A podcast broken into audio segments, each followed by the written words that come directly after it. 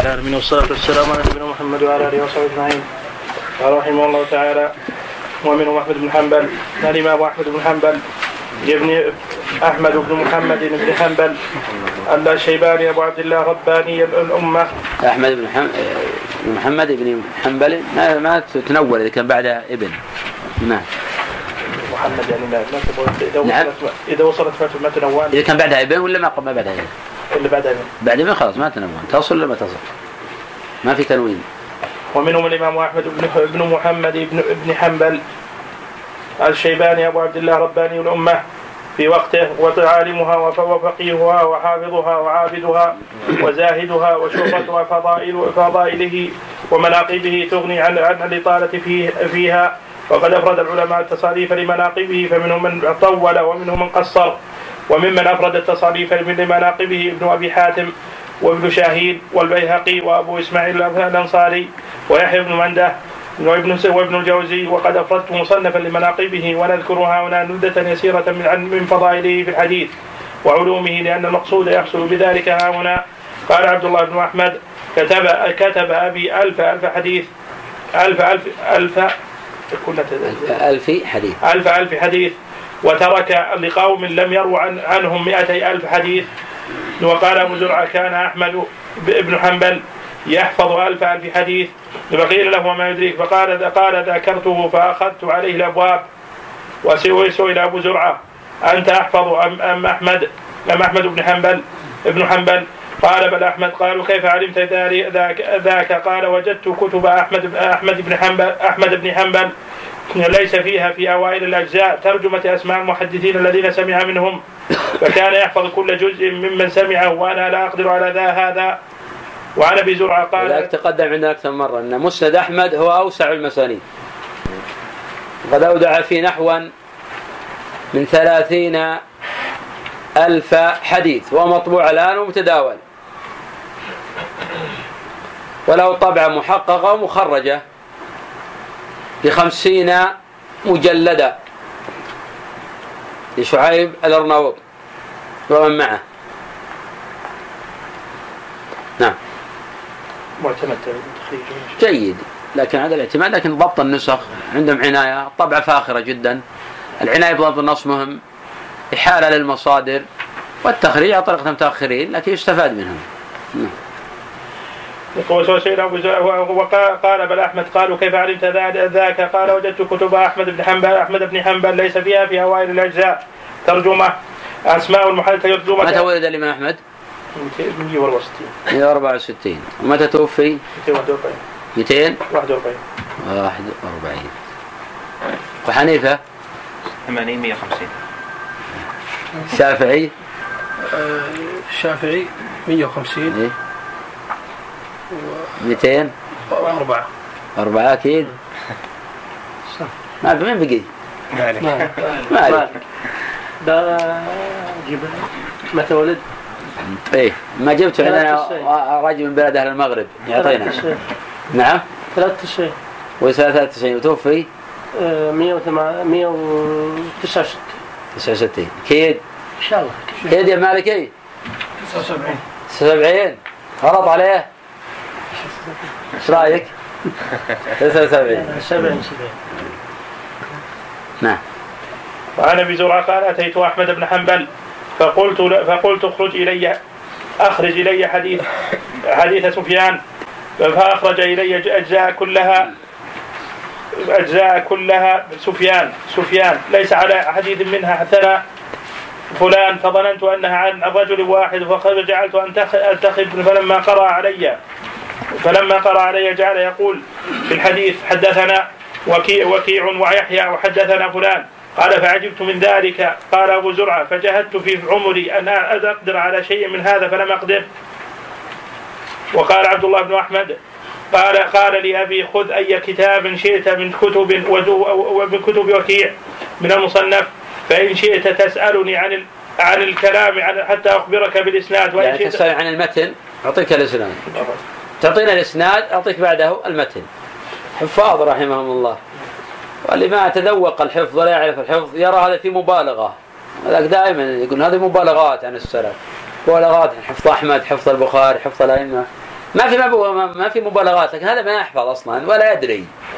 مثل إحنا العبادات تقرأ في تراجم السلف يقول يصلي في اليوم 100 ركعة 200 ركعة يقول ما يمديه وين الوقت؟ لأن ما عنده عبادة هذا ولا في بركة. ما في عمر بركة هذا ولا عنده عبادة. ولذلك ما يدري. ولا هؤلاء يجعل الله في أوقات بركة وعندهم تفرغ. في من يقوم بمؤن معيشتهم من أولادهم وذراريهم ويتفرغون للعبادة ويصلون ما هو أكثر من ذلك. الإمام أحمد قبل الفتنة كان يصلي في اليوم 300 ركعة مع شغله بالعلم والتحديث وجمع الروايات والطرق ونحو ذلك. وبعد ان ضرب واصابه الام في ظهره كان يصلي 150 ركعة. نعم. وقال عبد الله قال لي خذ أي كتاب شئت من كتب وكيع من المصنف. فإن شئت تسألني عن عن الكلام حتى أخبرك بالإسناد. وإن شئت بالإسناد, بالإسناد حتى أخبرك بالكلام. وقيل لأبي زرعة من رأيت من المشايخ المحدثين أحفظ. قال أحمد بن حنبل قال أحمد بن حنبل. يعني رأيت أحمد بن حنبل نعم. ويجوز أن تقول أحمد بن حنبل يعني هو أحمد بن حنبل كله صحيح. حزر كتبه اليوم حزر كتب كتبه كتبه اليوم الذي مات فيه فبلغت 12 حملا. مطبوع على مسند موجود فضائل الصحابة موجود. ونقولات النقولات التي تروى لا سند تروى عن أحمد موجودة في كتاب مسائل عبد الله ومسائل أبي داود مسائل الخلال مسائل إسحاق بن هاني. أشياء كثيرة طبعت الآن وهي موجودة نعم الصحابة ما مو نعم. فضائل الصحابة لا. فضائل الصحابة كتاب مستقل. فيه زيادات لعبد الله وزيادات للقطيعي. وتصنيف الإمام أحمد كتاب فضائل الصحابة مطبوع الآن بمجلدين طبعا محققة وجيدة. أو سقاطات حنبل نعم. سقاطات حنبل هل هي كثيرة ولا قليلة؟ والله تختلف. اللي وصل لنا يختلف عن اللي الأصل فيه. نعم. ما كان 12 عدلا حملا وعدلا ما كان على ظهر على ظهر كتاب منها حديث فلان ولا في بطنه ثنى فلان. وكل ذلك كان يحفظه عن ظهر قلب. طيب تحفظ خمسة من شيوخ أحمد؟ سفيان بن عيينة. سفيان بن عيينة. وكيع. وكيع. إسرائيل يونس. وكيع بن شيوخ أحمد؟ اللي يظهر لي إنه مر عليه. أو قبله بعده بقليل. لا لا يمكن. نعم. اثنين ذولا. مر علينا اللي قال له المصحف من شيخ أحمد من هو؟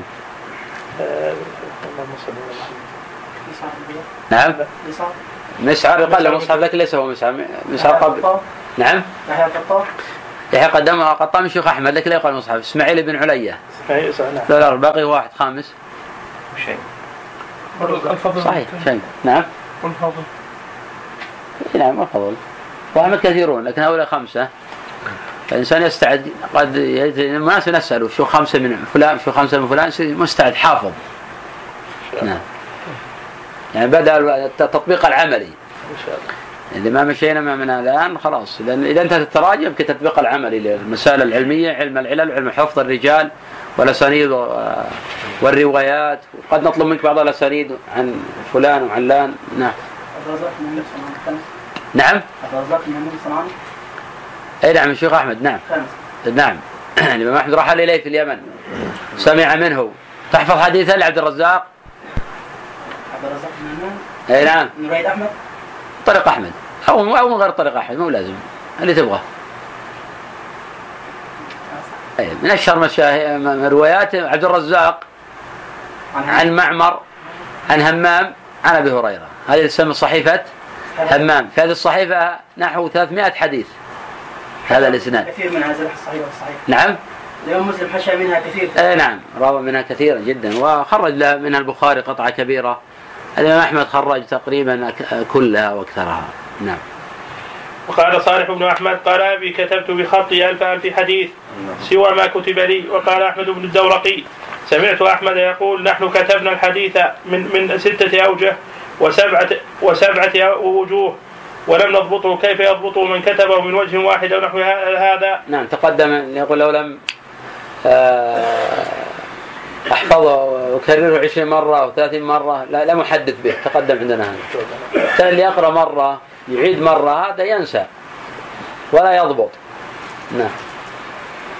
وقال أبو عبيد انتهى العلم إلى أربعة إلى أحمد بن إلى أحمد بن حنبل وهو افقههم في في في والى ابن أبي شيبة وهو احفظهم له. ابني.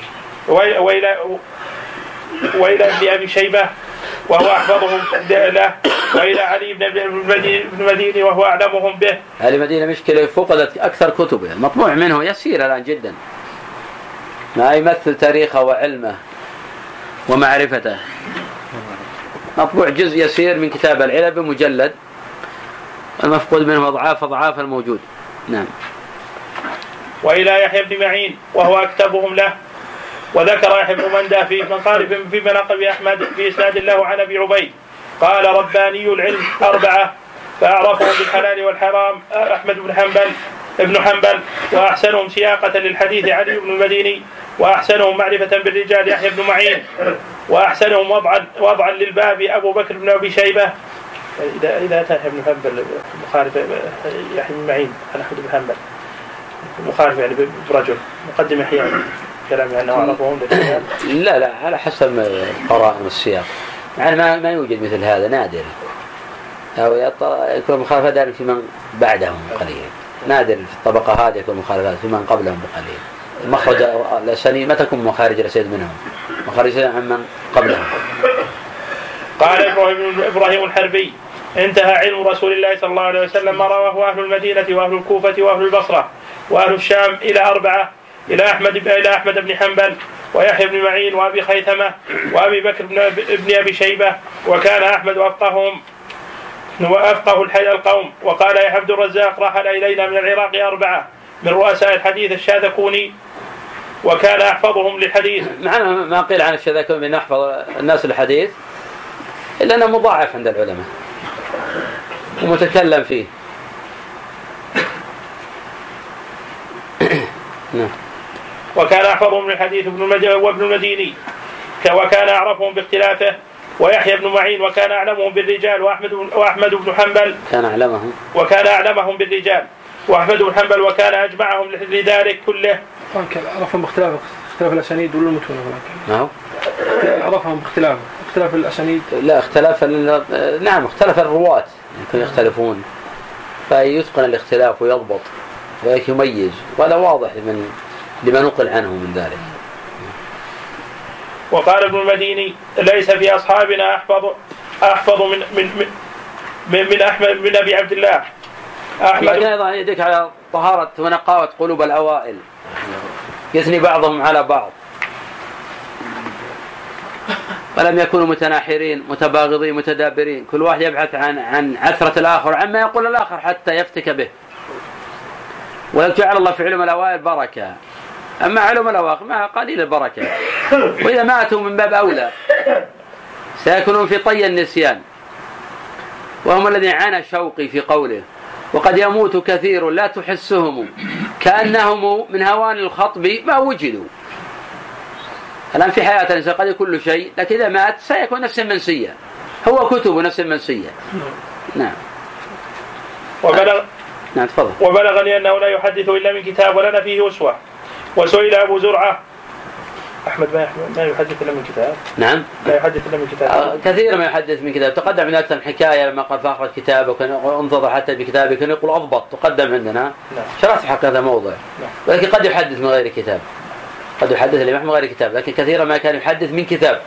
وكان نحن نقول هذا أضبط وسئل أبو زرعة عن علي بن المديني ويحيى بن معين أيهما؟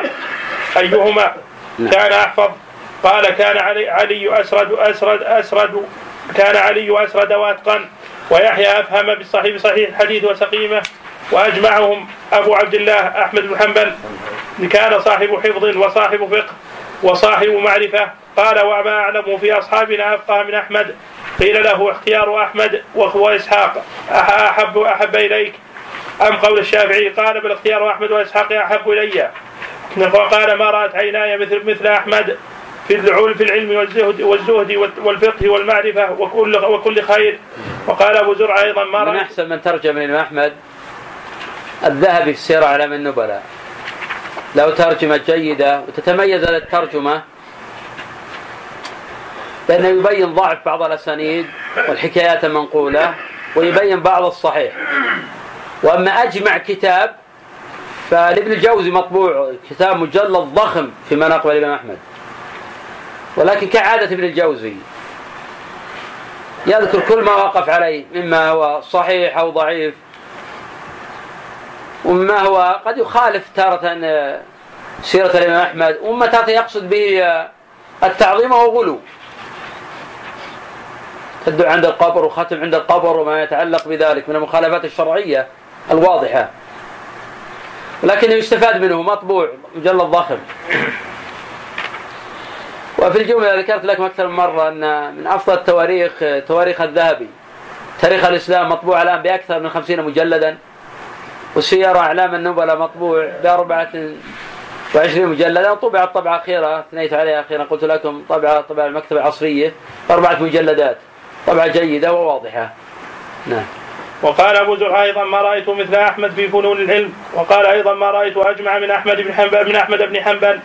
قيل له إسحاق. قال أحمد أكبر من من إسحاق وأفقه من من إسحاق.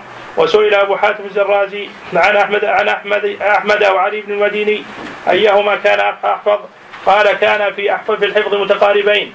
وكان أحمد أفقه قال أبو حاتم وكان أحمد بارع بارع الفهم بمعرفة الحديث بصحيحه وسقيمه وتعلم الشافعي أشياء من معرفة الحديث منه. وكان الشافعي يقول لأحمد حديث كذا وكذا قوي الإسناد محفوظ. فإذا قال نعم جعله أصلا وبنى عليه. وقال أحمد بن سلمة قلت لأبي حاتم الرازي أراك في الفتوى على قول أحمد وإسحاق وعندك كتاب الشافعي وكتاب مالك وعندك كتاب الشافعي وكتاب مالك والثوري وشريك فترك فتركت هؤلاء كلهم وأقبلت على قول أحمد وإسحاق قال لا أعلم في دهر ولا عصر مثل هذين الرجلين ورجل رحل وكتب وذاكر وصنف وقال النسائي لم يكن في عصر أحمد مثل مثل هؤلاء الأربعة أحمد ويحيى وعلي وإسحاق وأعلمهم علي بالحديث بالحديث وعلله وأعلمهم بالرجال وأكثرهم حديثا يحيى وأحفظهم للحديث والفقه واسحاق إلا أن أحمد بن حنبل ابن حنبل كان عندي أعلم بعلل الحديث حديث من إسحاق وجمع أحمد المعرفة بالحديث والفقه والورع والزهد وقال العجلي أحمد ثقة. ثابت في الحديث فقيه في الحديث متبع للآثار صاحب سنه وخبر. نزه نزه النفس. وقال قتيبة أحمد وإسحاق إمام الدنيا وقال لو أدرك وقال العجلي وقال العجلي. وقال العجلي أحمد ثقة ثبت في الحديث فقيه في الحديث. نعم كمل. متبع للآثار صاحب سنة وخبر نجم. عندك, عندك وخبر؟ وخبر نعم. هو خير. نعم صاحب سنة وخبر. عندكم خبر وخير. عندي خير. خبر. خير. حاشي قلت تحت في نسخة خبرة. خبرة. نعم. يعني معنى مستقيم على كذا يعني صاحب سنة وخبر يعني ضابط للسنة والأخبار وصاحب سنة وخير يعني أنه صاحب يعني دين وورع ونحو ذلك. فمعنى مستقيم. جيد لكن عموما ينبه في نسخة. صاحب سنة وخير. صاحب سنة وخبر. يفهم المعنى. نعم. وقال قتيبة أحمد وإسحاق إماما الدنيا. وقال لو أدرك أحمد عصر الثوري ومالك ومالك والأوزاعي والليث لكان هو المقدم. قلت تضم أحمد إلى التابعين قال إلى كبار التابعين. وقال أبو عبد الله البوشنجي أحمد عندي أفضل أفضل من من من من سفيان الثوري لأن سفيان لم يمتحن من الشدة والبلوى بمثل ما امتحن به أحمد. ولا علم سفيان ومن تقدم من فقهاء الأمصار ولا علم سفيان. ومن تقدم من فقهاء الأمصار كعلم أحمد لأنه كان أجمع أجمع لها وأبصر بمتقنهم وغالطهم وصدوقهم وكذوبهم منه. وقال زكريا الساجي أحمد أفضل أفضل عندي من مالك والأوزاعي والثوري والشافعي لأن لهؤلاء نظيرا وأحمد لا نظير له يعني في وقتهم ووقته رضي الله عنهم أجمعين. ومنهم بسم الله الرحمن الرحيم. الحمد لله رب العالمين وصلى الله وسلم وبارك على نبينا محمد وعلى آله وصحبه أجمعين. قال رحمه الله تعالى وشيخنا والحاضرين والمسنون في الوضوء التسمية والدليل ما روي عن أبي هريرة مرفوعا كل كلام أو أمر ذي بال لا يبدأ فيه بذكر الله فهو أبتر. يعني هذا الحديث معلول. ولا يصح إلا مرسلا. كما أشار إلى ذلك أبو داود والنسائي. وما الحديث الآخر؟ كل أمر ذي بال لا يبدأ بسم الله الرحمن الرحيم فوقطع. فهذا منكر جدا. رواه الرهاوي في الأربعين والخطيب في الجامع. والسبكي في طبقات الشافعية وهو خبر منكر جدا. فرد به ابن الجندي وهو متهم فيه. نعم. عفى الله عنك ومن سنن الوضوء غسل الكفين. أي غسلهما عند البدء في الوضوء وقد سبق ذكر الدليل على ذلك من السنة في أول الباب. تقدم أيضا بيان أنه يجب غسلهما في الوضوء إذا كان قد قام من الليل قبل أن يدخلهما في الإناء. وأنه إذا لم يرد إدخالهما في الإناء كان يتوضؤون من الصنابير لا يجب غسلها ثلاثة لأنه ما أدخلها في الإناء. عفى الله عنك ومر قريبا بيان أن هذا الحكم أجمع, أجمع عليه عامة أهل العلم. ومن سنن الوضوء المبالغة في المضمضة وذلك بإدارة الماء في أقاصي الفم. ومن سنن الوضوء المبالغة في الاستنشاق وذلك باجتذاب الماء بالنفس إلى قاصي الأنف. إلا أن يكون صائما فلا تستحب المبالغة في المضمضة والاستنشاق حينئذ بل تكره.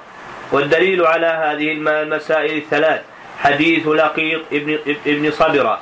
أسبغ الوضوء وخلل بين الأصابع وبالغ في الاستنشاق إلا أن تكون صائما.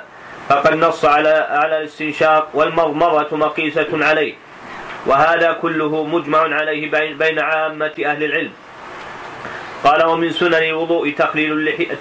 وقد سبق تعريف التخليل والدليل على هذا الحكم في صفة الوضوء. وقد تقدم أنه لا يصح حديث عن السلف في التخليل كل الأحاديث الواردة عن التخليل كلها معلولة. وأن هذا وارد عن جماعة من الصحابة قسمنا التخليل إلى قسمين. قسم يجب أصلا غسل اللحية مع الوجه وهي اللحية الخفيفة يجب غسلها مع الوجه.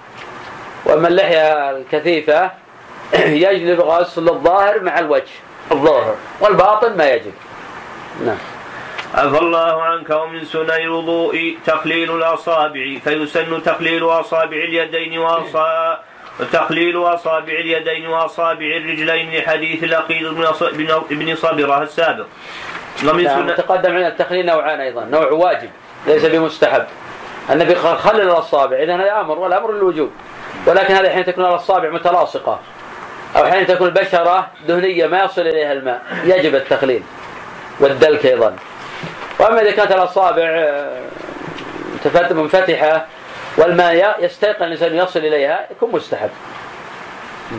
عفى الله عنك ومن سنن الوضوء مسح الأذنين وقد سبق ذكر الدليل على ذلك في صفة الوضوء. نعم وتقدم خلاف أيضا أن الصواب من الأذنين من الرأس. يمسحان حيث يمسح الرأس. وما الأحاديث الواردة بهذا اللفظ؟ الأذنان من الرأس كلها معلولة؟ وإنما نستفيد هذا من حديث عبد الله بن عمرو بن العاص في صفة وضوء النبي صلى الله عليه وسلم. قال ومسح رأسه وأذنيه. وأدخل إصبعيه في أذنيه وأقبل بهما وأدبر. يقول ابن تيمية رحمه تعالى يجب مسح الأذنين حيث يجب مسح الرأس. نعم عفى الله عنك ومن سنن الوضوء غسل الميامن قبل المياسر والدليل حديث عثمان بن عفان وقد سبق ذكر لفظه في أول الباب. يعني إنه بدأ باليمين قبل الشمال، لكن لو بدأ بالشمال قبل اليمين اجزاء. لكن الأفضل أنه يبدأ باليمين قبل الشمال، حديث عائشة يعجب التيامن ولقول صلى الله عليه وسلم إذا توضأتم فابدأوا بميامنكم.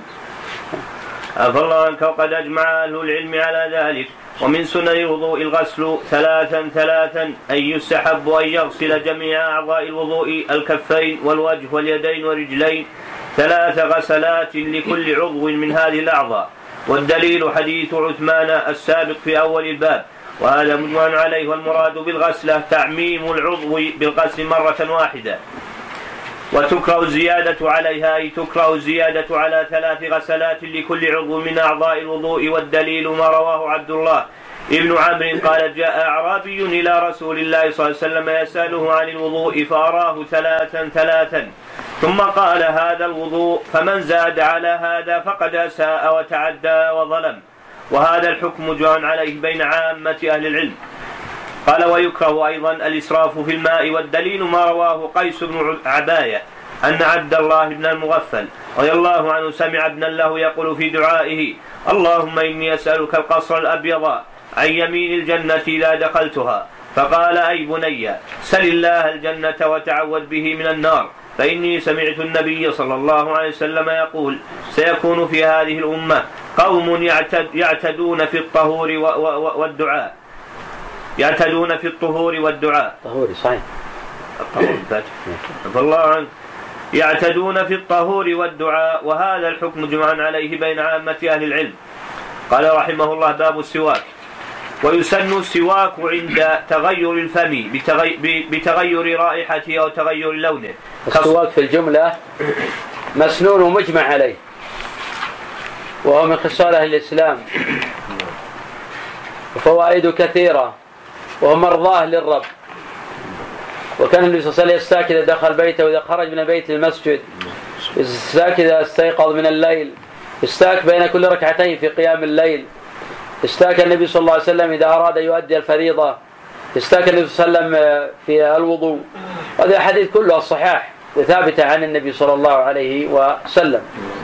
وتقول عائشة سمعت النبي صلى الله عليه وسلم يقول السواك مطهرة للفم مرضاة للرب. لكن في تفاصيل وأشياء يذكرها المؤلف رحمه الله تعالى نعلق عليها. عفى الله عنك بتغير رائحته أو تغير لونه كصفرة الأسنان والدليل على هذا الحكم. ما روته عائشة رضي الله عنها مرفوعا السواك مطهرة للفم مرضاة للرب. ويسن السواك عند القيام من النوم والدليل حديث حذيفة كان النبي صلى الله عليه وسلم إذا قام من الليل يشوص فاه بالسواك متفق عليه. وفي لفظ لمسلم إذا قام ليتهجد. قال ويسن, ويسن السواك عند الصلاة لقول رسول الله صلى الله عليه وسلم لولا أن أشق على أمتي لأمرتهم بالسواك عند كل صلاة. فيستحب للمسلم أن يستاك قبل شروعه في الصلاة كما يستحب للمسلم أن يستاك عند الوضوء قبله أو عند المضمضة لقوله صلى الله عليه وسلم لولا أن أشق على أمتي لأمرتهم بالسواك عند كل وضوء. قال ويستحب السواك في سائر الأوقات لحديث ابن عباس رضي الله عنهما قال ما زال النبي صلى الله عليه وسلم يأمرنا به يعني السواك حتى خشينا أن ينزل علينا أن ينزل علينا فيه. وهذا الحكم مجمع عليه. قال إلا لصائم بعد الزوال فلا يستحب له استعمال السواك لما روي عن خباب مرفوعا. إذا صمتم فاستاكوا بالغداة ولا تستاكوا بالعشي. وذهب جمهور أهل العلم إلى أنه يستحب السواك للصائم في أول النهار وآخره واستدلوا بالأدلة العامة المطلقة. كحديث لولا أن أشق على أمتي لأمرتهم بالسواك عند كل صلاة. وكحديث السواك مطهرة للفم مرضاة للرب فيتشمل جميع الأوقات بما في ذلك ما بعد الزوال للصائم ولغيره وهذا هو الأقرب. والأفضل أن يكون الاستياك بعود أراك لأن في الاستياك به فوائد كثيرة. وإن, وإن استاك بغيره من الأعواد المناسبة أو بمناديل نظيفة أو بالفرشاة والمعجون أو بغير ذلك مما ينظف الأسنان والفم فحسن. لأنه يحصل التنظيف بذلك والله أعلم. لكن بقدر ما يكون التنظيف يكون أكثر ثوابا. وللفقهاء جوزوا لو نظف مثلا بخرقة أو بمناديل ونحو ذلك يجزي لكن لا يكون بمنزلة السواك. السواك يعطي رائحة. وليس المقصود مجرد النظافة. والدليل على ذلك أن عائشة قالت مرضاة للرب. مرضاة أنه بحد ذاته مرضاة. وذلك اختلف الفقهاء يمسك باليد اليمنى أو باليد اليسرى. العجيب أن ابن تيمية في الفتاوى يقول بالإجماع يمسك باليد اليسرى.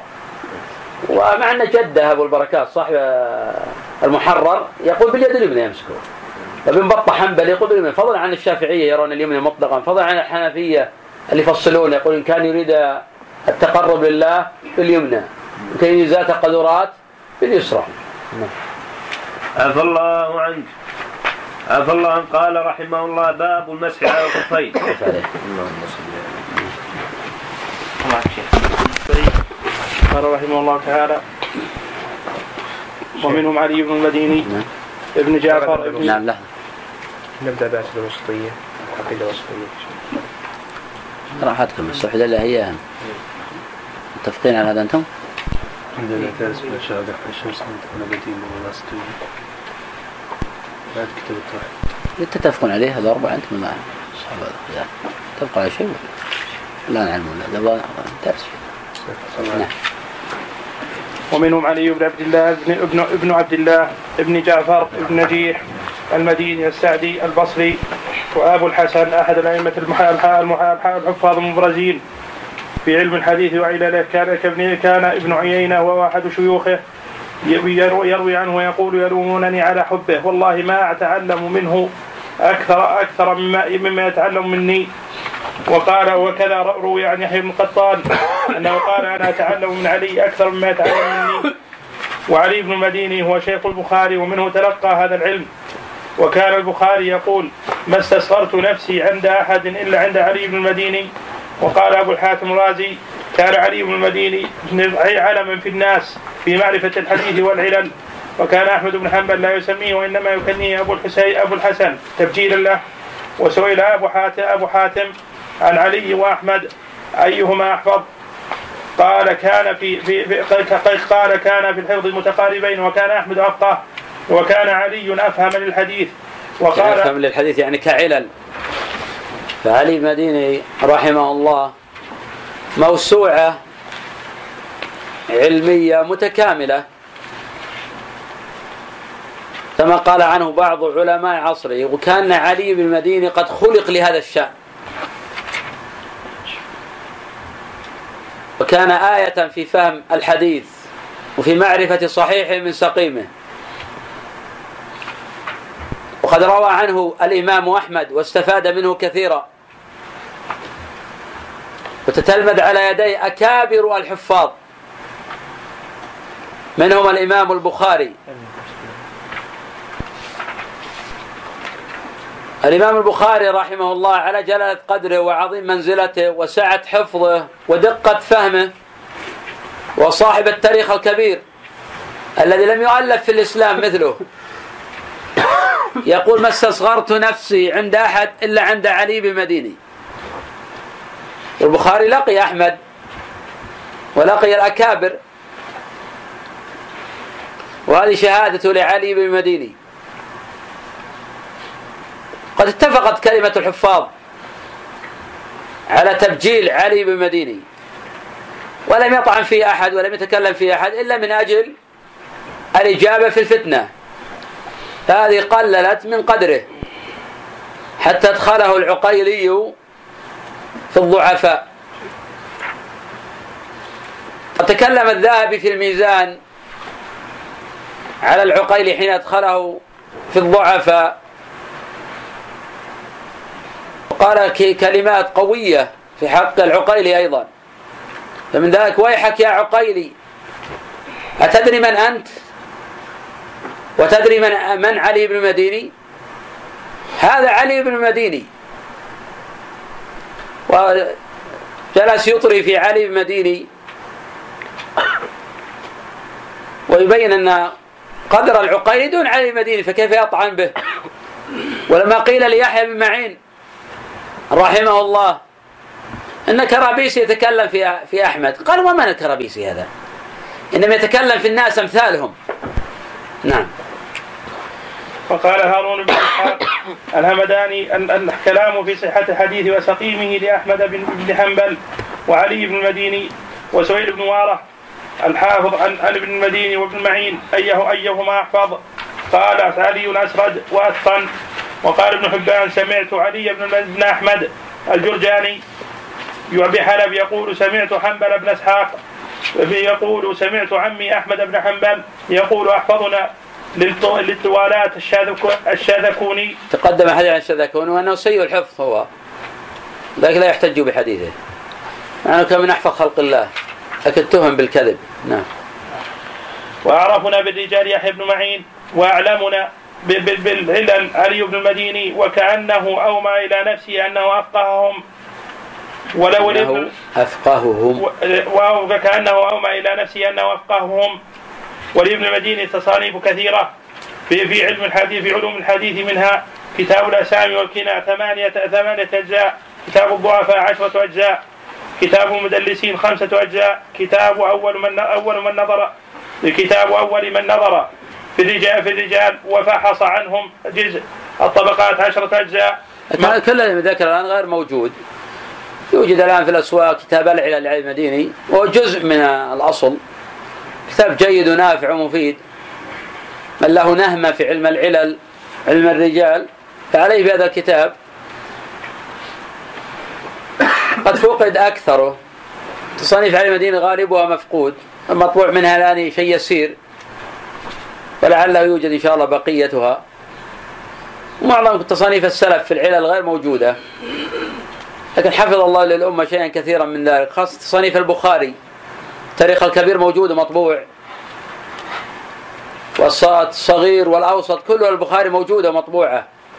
فالتصانيف نافعة ومهمة لمن له حرص على إتقان علم العلل وضبط الرجال والأسانيد والمتون. معرفة قدر الأوائل وقدر معاناتهم في تدوين هذا العلم وضبطه وتأصيله. الذي لا يقرأ في التراجم ولا يقرأ في كتب هؤلاء. لا يعرف قدرهم ولا يعرف منزلتهم. وإذا أراد الرجل يعرف قدر الأوائل وعلمهم يكلف نفسه يوما ما ببحث حديث. ينظر التعب الشديد الذي سيلاقيه. يجلس بعض الأحيان أياما يعاني ويسهر الليل يستخرج مع ما عنده فهارس. فرأيت لو ما عنده فهارس سيجلس في الحديث شهرا. وأيضا ربما لا يصل إلى النتيجة، مع وجود الفهارس أخطاء كثيرة جدا. حين تعرف قدر علم الأوائل وفضلهم وسابقتهم. نعم. الطبقات عشرة أجزاء. من روى عن رجل لم يره. جزء العلل المسند ثلاثون جزءا. العلل التي كتبها عنه إسماعيل القاضي أربعة أجزاء أربعة عشر جزءا أربعة عشر جزءا. علل حديث ابن عيينة ثلاثة عشر جزءا. كتاب من لا يحتج بحديثه ولا يسقط. جزء جزءان الكنى الكنى الكنى جزء خمسة أجزاء الوهم والخطأ خمسة أجزاء قبائل العرب عشرة أجزاء من نزل من الصحابة سائر البلدان. خمسة أجزاء التاريخ عشرة أجزاء العرض على المحدث على المحدث. جزءان من حدث ثم رجع عنه. جزء كتاب يحيى وعبد الرحمن. يحيى وعبد الرحمن في الرجال خمسة أجزاء. سؤالات يحيى سؤالات يحيى جزءان كتاب الثقات والمتثبتين عشرة أجزاء اختلاف الحديث خمسة أجزاء الأسامي الشاذة ثلاثة أجزاء الأشربة ثلاثة أجزاء تفسير تفسير غريب الحديث خمسة أجزاء الأخوة والأخوات ثلاثة أجزاء من يعرف باسمه دون أسماء به جزءان من يعرف باللقب جزء العلم المتفرقة ثلاثون جزءا مذاهب المحدثين جزءان. كان ابن المديني قد امتحن في محنة خلق القرآن فأجاب مكرها ثم إنه تقرب إلى أبي دواد حيث استماله بدنياه وصاحبه وعظمه كيف مكرها ثم نعم. مكرها ثم يتقرب إليه. لا مكرم جد السلطان. واحمد بن داود ما يكره الإنسان لكن كان متاولا رضي الله عنه. التمس له العذر. وبعض ما يقال من الزيادات يعني تعرف من كلام الأقران وشده الغيرة. فبعض الاحيان يحملون كلام على المدينة ما لا يحتمل. خاصة ميله لابن أبي دواد وأنه كان يضع الأحاديث من أجل يصح له الأحاديث. هذا علم المدينة أكبر من هذا. نعم.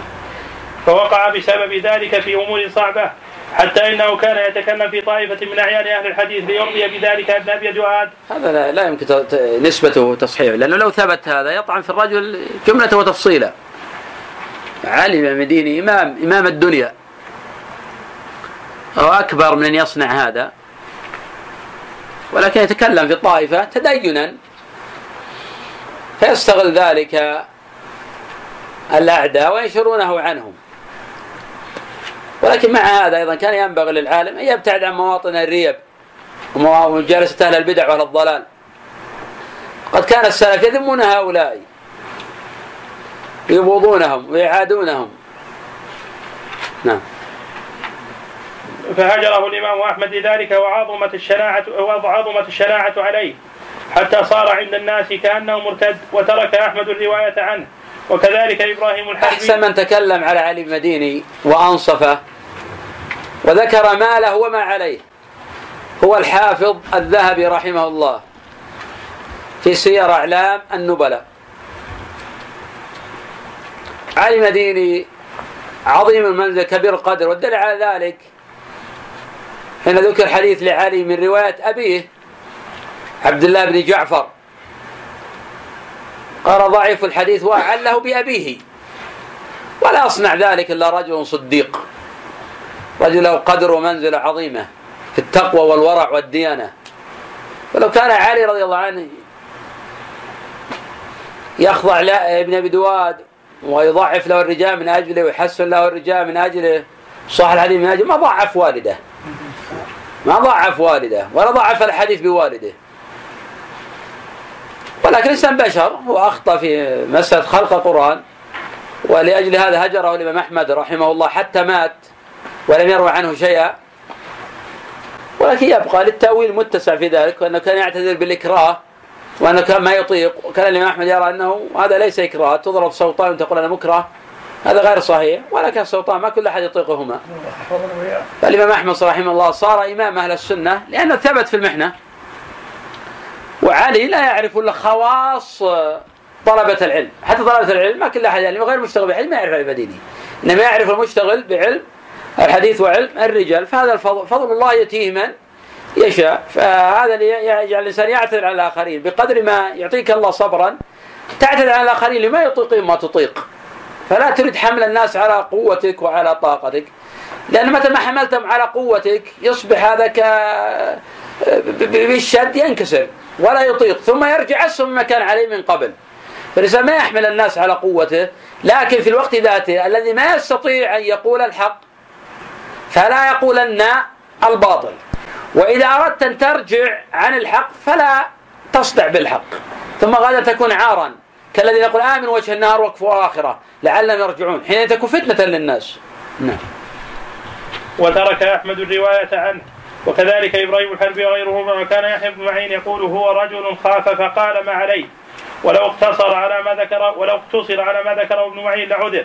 لكن حاله كما وصفنا. وقد روي روي عنه أنه قال من قال القرآن مخلوق فهو كافر. والله تعالى يرحمه ويسامحه بمنه وكرمه. ومنه يحيى بن معين أبو زكريا البغدادي الإمام المطلق في الجرح والتعديل وإلى قوله. في ذلك يرجع الناس على كلامه فيه يعولون. وقد قاله له هلال بن العلاء وحجاج بن الشاعر. من الله على هذه الأمة بيحيى بن معين؟ نفى الكذب عن رسول الله صلى الله عليه وسلم عن حديث رسول الله صلى الله عليه وسلم. قال أحمد بن عقبة سألت يحيى بن معين كم كتبت من الحديث؟ قال كتبت بيدي بيدي هذه ستمائة ألف حديث. ستمائة. ستمائة ألف حديث. العلماء قالوا الحديث هذا يقصدون مع الطرق. يقصد المتون مع الأسانيد والطرق. ويحيى بن معين كعلي مديني هو أحد شيوخ الإمام أحمد. نعم. وإني أظن المحدثين قد كتبوا له بأيديهم. ستمائة, ستمائة ألف حديث. ألف ألف وستمائة ألف. وقال علي بن المديني حديث الثقات يدل على ستة. وذكرهم. قال وما شد عنهم يصير إلى اثني عشر. فذكرهم.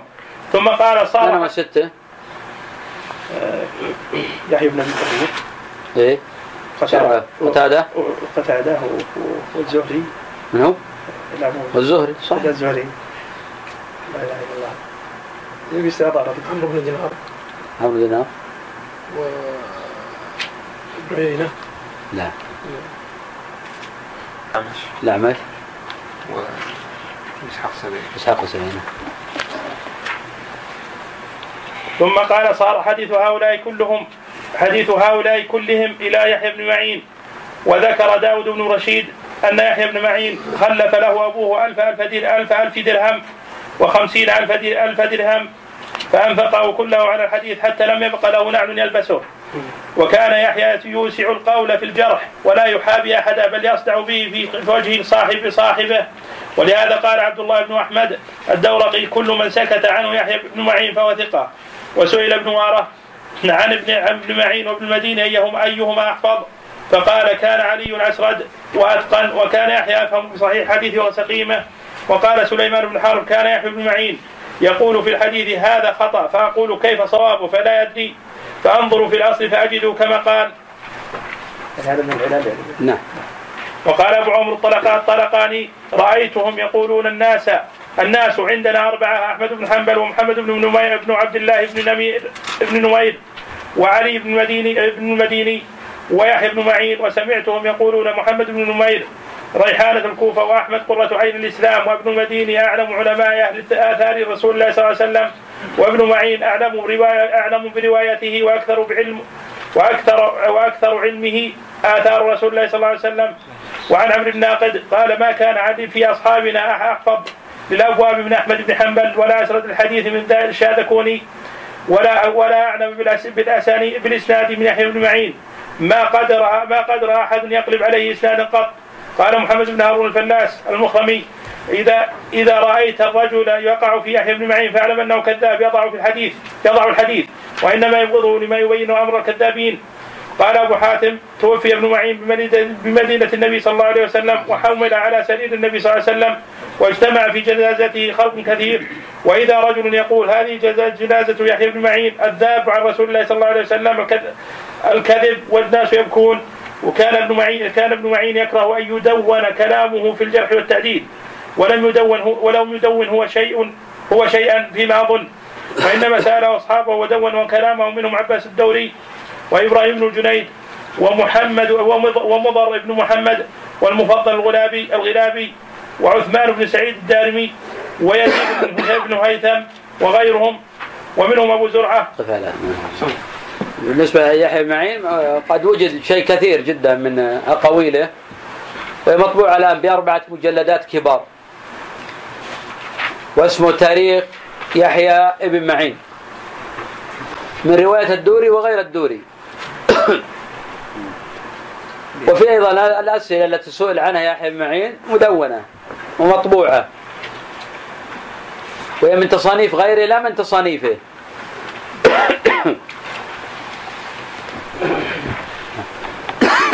بسم الله الرحمن الرحيم. الحمد لله رب العالمين وصلى الله وسلم وبارك على نبينا محمد وعلى آله وصحبه أجمعين. قال رحمه الله تعالى وشيخنا باب المسح على الخفين. الخفان هما ما يلبس على الرجلين من جلد رقيق بحيث يكون ساترا للقدمين والكعبين. والخف في هيئته وشكله قريب مما يسمى بال- بالبوت الذي له ساق مرتفع. فوق الكعبين وقريب من البسطار الذي يلبسه العسكريون وهو يشبه ما يسمى الجزمة. أو أو الكندرة. إلا أن الجزمة ساق أن- إلا أن الجزمة ساقها قصير.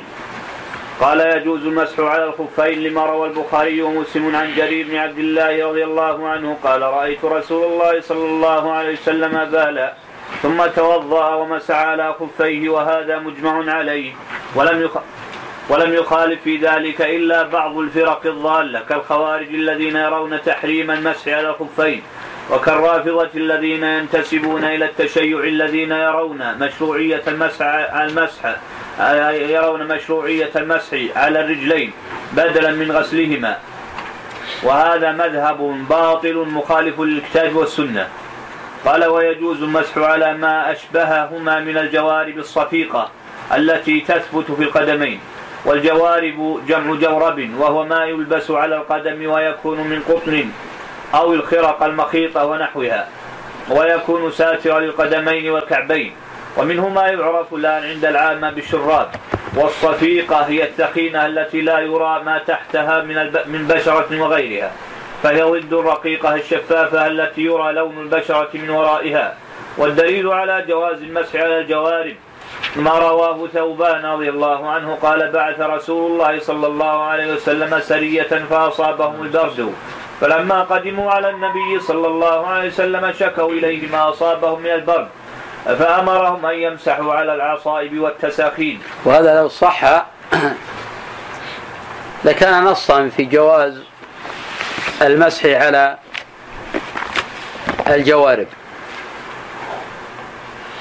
وهي معروفة اليوم بالشراب. ولكن هذا الحديث معلول بالانقطاع. لأنه من رواية راشد بن سعد عن ثوبان. ولم يثبت الإمام أحمد رحمه الله تعالى سماع راشد من ثوبان. ولكن الجوارب مقيسة على الخفين. والأولى أن تكون ثخينة حتى يتحقق القياس. أما وجود خروق أو شقوق أو فتوق هذا لا يضر ما دام الخف ماسكا بالقدم ويسمى خفا. وقد روى عبد الرزاق في مصنفه عن سفيان. قال لم تزل. أو قال وهل كانت خفاف المهاجرين والأنصار إلا مشققة مخرقة مرقعة؟ وهذا الذي نصره شيخ الإسلام ابن تيمية رحمه الله. بعض المذاهب يشددون في هذه المسألة ويقولون لا يعفى عن الخرق ولو كان بقدر جب الإبرة. وهذا تشدد بلا دليل. والقول بأن هذا بدل عن غسل القدمين فلا بد أن يستر محل الفرض من كل وجه هذا في نظر. بدليل ما ذكرنا قبل قليل عن سفيان. وبدليل أن علي بن أبي طالب رضي الله عنه كان يمسح على نعليه رواه عبد الرزاق بسند صحيح. فنعال الصحابة تختلف عن النعال المعاصرة. وهي نعال تربط من الخلف أشبه ما تكون بالشبكية. كان الناس يلبسونها قديما. قبل اتساع حضارتهم وكثرة دنياهم. كان يشق نزعها. ومع ذلك لم تكن ساترة لكل محل الفرض. هذا دليل على أنه لا يجب ستر جميع محل الفرض. نعم. يجوز مسح يا شيخ. نعم نعم. لا لا نعال موجودة. لا. صدق إذا كانت ماسكة بالقدم. ما يخلع إذا جاي صندل لا ما يخلعها نعم. عفى الله عنك. والعصائب هي الع- العمائم والتساقين. قيل هي ما هي كل ما يسخن به القدم من خف وجورب وغيرهما. أما من قال باشتراط أن تكون الجوارب ومثلها الخفاف صفيقة واشتراط أن لا يكون فيها خرق ولا فتق فاستدل بأن قال القدر الذي يرى يرى من القدم فرضه الغسل والجمع بين المسح والغسل لا يجوز فتعين غسل القدمين. وذهب بعض أهل العلم إلى أنه يجوز المسح على الخف, والجورب ولو كان كان شفافا أو مخرقا ما دام يسمى خف خفا أو جوربا لأن هذا هو ظاهر حال الصحابة رضي الله عنهم. فقد كان كثير منهم فقراء. فظاهر حالهم أن أكثر خفافهم وجواربهم مخرقة ومع ذلك جاء الإذن عاما مطلقا في المسح عليها وكانوا يمسحون عليها وهي كذلك ولعل هذا هو الأقرب وإن كان في النفس شيء من جواز المسح على الجورب الرقيق الشفاف قال ويجوز عشان مسح يتقي ما دام الناس الآن في نعمة الانسان ما يمسح على الرقيق شيء يتقي ويبتعد عنه لما يفتى به وقت الحاجة حيث لا يوجد غيره مع وجود غيره فالانسان يتقي ويبتعد عنه. خاصة أن الخلاف قوي ليس ضعيفا. نعم. الصيف يلبس يا شيخ. الشيء بس لا تمسح عليه. ما يمسح عليه. لا أحوط لا تمسح عليه. عفى الله عنه قال ويجوز المسح على الجراميق التي تج... التي تجاوز الكعبين. والجموق خ- خف قصير يلبس فوق الخف المعتاد لحفظه أو لشدة البرد. والدليل على مشروعية المسح عليه ومثله الجورب الذي لوس فوق جورب آخر. حديث جرير وحديث ثوبان اللذان سبقا في المسألتين السابقتين.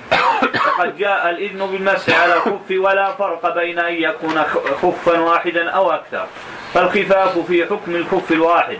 فيعتبر الأعلى كالظهارة والأسفل كالبطانة. ومثله الجورب. والدليل على اشتراط أن أن تجاوز والدليل على اشتراط أن تجاوز الجراميق ومثلها الخفاف والجوارب الكعبين إجماع أهل العلم على ذلك. قال ومما يجوز المسح عليه ما يلبس في هذا العصر من الأحذية التي تشبه الخفاف وتسمى بوت أو بسطار أو كنادر أو جزمات ومثلها اللفائف الطبية وغير الطبية. إذا كانت كل هذه الأشياء تغطي الكعبين فإذا غسل الرجلين ثم لبسها ثم أحدث جاز له المسح المسح عليها. إذا لم يخلعها بعد الحدث أما إن خلعها بعد الحدث ثم لبسها فليس له مسح المسح عليها. وهذا بالإجماع. ليس المسح عليها هذا بالإجماع. يعني يشترط إدخالها على الطهارة. ويجب أيضا في هذا الخفاف وهذا الأحذية أن تمسك بالقدم. وإذا لم تمسك بالقدم لا يجوز المسح عليها. نعم. عفى الله عنك وإنما يمسح على ما تحتها من خف أو جرب أو جورب ومنه الشراب عند وجوده لأنه أدخل أدخل الرجلين الرجلين في الجوربين وهما طاهرتان. أما إذا لم يكن تحتهما شيء فإنه يجب غسل القدمين عند عند إرادة الوضوء. لأنه أدخل القدمين فيهما وهما طاهرتان بطهارة مسح لا بطهارة الغسل بالماء ومثله لو خلع خفيه وقد مسح عليهما وهو على طهارة ثم أعاد لبسهما فلا يمسح عليهما بعد ذلك.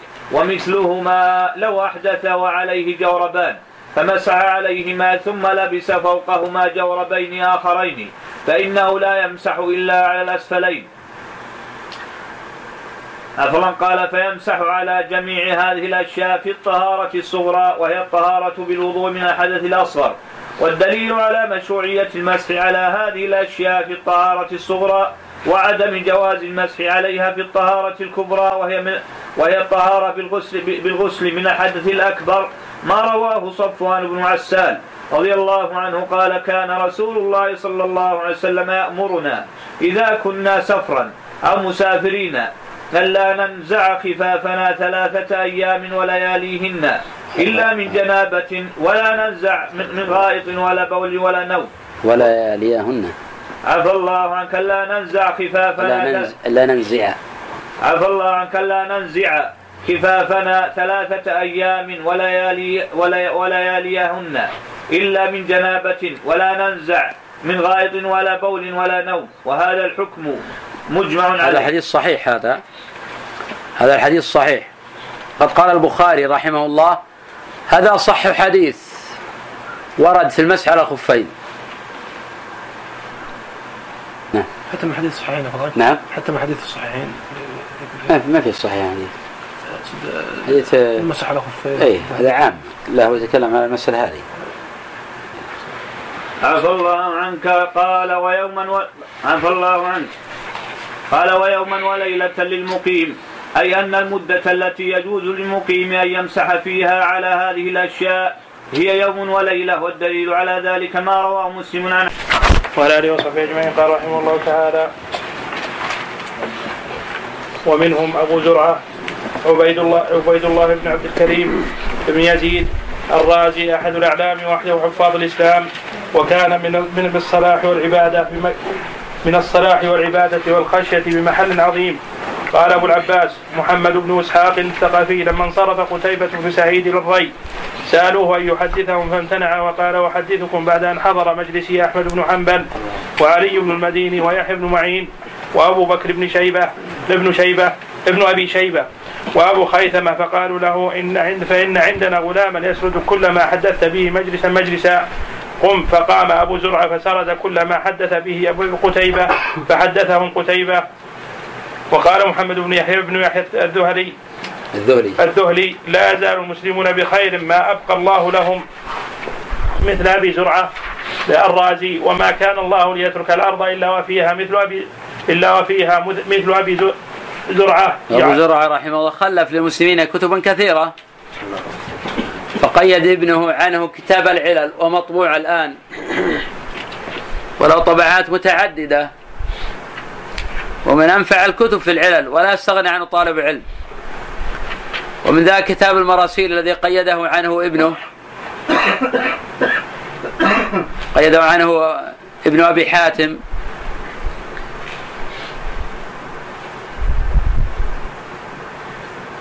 وفيها قوي مشتركة بين أبي حاتم وأبي زرعة. مبثوثة في بطون الكتب. وفي كتاب مؤلف جهود أبي زرعة الحديثية ومطبوع بثلاثة مجلدات. وكتاب جيد ونافع. وفي أقاويل أبي زرعة. وفي عقيدة الإمامين أبي حاتم وأبي زرعة. وأئمة الحديث الكبار كانوا أئمة في الحديث وأئمة في العقيدة. ليس ولله الحمد أحد من هؤلاء الأئمة الكبار الذين عرفوا بالإمامة والجرح والتعديل من في لوثة ابتداع. نعم. وما كان الله ليترك الأرض إلا وفيها مثل أبي زرعة يعلم الناس بما جهلوه وقال علي بن ابن الحسن ابن الحسين علي بن الحسين ابن الجنيد ما رأيت أحدا أعلم بحديث مالك مسندا ومنقطعة عن من أبي زرعة وكذلك سائر العلوم. ولكن ولكن خاصة حديث حديث مالك قيل له ما في الموطأ والزيادات التي ليست فيها في الموطأ؟ قال نعم. وكان أحمد يعظم أبا زرعة وإذا جالسه ترك أحمد النوافله واشتغل عنها بمذاكرة أبي زرعة. وروي عنه أنه قال صح من حديث من الحديث 700 ألف حديث. قدم عندنا بالأمس المقصود الطرق. ولا يقصدون المتون. لأن الحديث الواحد قد يكون له أربعة طرق خمسة بعض الأحيان تصل إلى عشرة. هذا يسمونه عشرة حديث. وهذا الفتى يعني أبا زرعة يحفظ 600 ست يحفظ 600 حديث. 600 600 ألف حديث. وقال يونس بن عبد الأعلى ابن عبد الأعلى أبو زرعة وأبو حاتم إمام خرسان وبقاؤهما صلاح للمسلمين. وقال ابن وارة سمعت إسحاق بن راهوي يقول كل حديث لا يعرفه أبو زرعة فليس له أصل. وقال وقال أبو بكر بن ابن أبي شيبة ما رأيت أحفظ من أبي زرعة الرازي من أبي زرعة الرازي. وحلف رجل بالطلاق في زمن أبي زرعة أن أبا زرعة يحفظ يحفظ مئة ألف حديث. نعم ولا نقص هذا يعني إسحاق يعظم أبا زرعة وهذا لم ينقص من قدر إسحاق. إسحاق مع أن إسحاق أكبر سنا من أبي زرعة. كان هكذا الأوائل يثني بعضهم على بعض.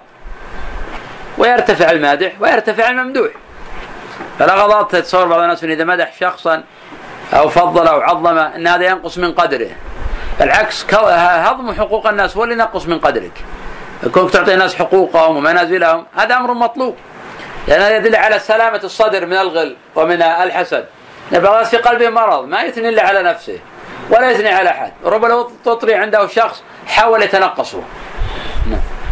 وحلف رجل بالطلاق في زمن أبي زرعة أن أبو أن أبا زرعة يحفظ مئة ألف حديث. فسئل عن ذلك أبو زرعة فقال ليمسك امرأته فإنها لم تطلق منه. وقال أبو مصعب الزهري لقيت مالك, مالك بن أنس وغيره فما رأت عيناي مثل أبي زرعة. لأن محفوظات أبي زرعة أكثر من محفوظات أنس بكثير ابن مالك. محفوظات أنس بن مالك ما تتجاوز في الموطأ. ومالك لا يعتبر أصلا من المحدثين مكثرا. مالك ما يعتبر من المكثرين. وأما أبو زرعة فهو معدود من المكثرين. ومحفظاته بمئات الألاف. نعم. وقال أبو حاتم الرازي ما خلف أبو زرعة مثل بعده مثله علما وفقها وصيانة وصدقا وهذا مما لا يرتاب فيه. ولا ولا أعلم بين بين المشرق والمغرب من كان يفهم هذا الشأن مثله ولقد كان من هذا الأمر بسبيل. نعم فلو دقه في العلل. وننصح الإخوان كما قلنا قبل قراءة كتاب العلل لابن أبي حاتم فيما يروي عن أبي زرعة وعن أبي حاتم جميعا. في دقائق من المسائل والمهمات. وهذا الكتاب من أفضل الكتب في العلل. قيل له فغير وقال ابو وقال أبو حاتم حاتم أيضا الذي كان يعرف صحيح الحديث وسقيمه وعنده تمييز ذلك ويحسن علل الحديث أحمد بن حنبل ويحيى بن معين وعلي بن المديني وبعدهم أبو زرعة كان يحسن ذلك قيل له فغير هؤلاء تعرف تعرف اليوم أحدا؟ قال لا. وذكر أبو حاتم شيئا من معرفة الرجال فقال ذهب الذي كان يحسن هذا يعني أبا زرعة. ما بقي بمصر ولا ولا بالعراق أحد يحسن هذا؟ قال أبو حاتم وجرى بيني وبين أبي زرعة يوما تمييز الحديث ومعرفته فجعل يذكر ويعلي ويذكر عللها وكنت أذكر أحاديث خطأ خطأ وعللها وخطأ الشيوخ فقال لي يا أبا حاتم قل من يفهم هذا؟ قل. قل من يفهم هذا؟ ما أعز ما أعز هذا؟ إذا إذا إذا رفعت هذا هذا عن واحد واثنين فما أقل ما تجد. ما تجد من يحسن هذا؟ وقال أبو يعلى الموصلي ما سمعنا أحدا يذكر يذكر في الحفظ إلا كان اسمه أكثر من روايته إلا أبا زرعة الرازي.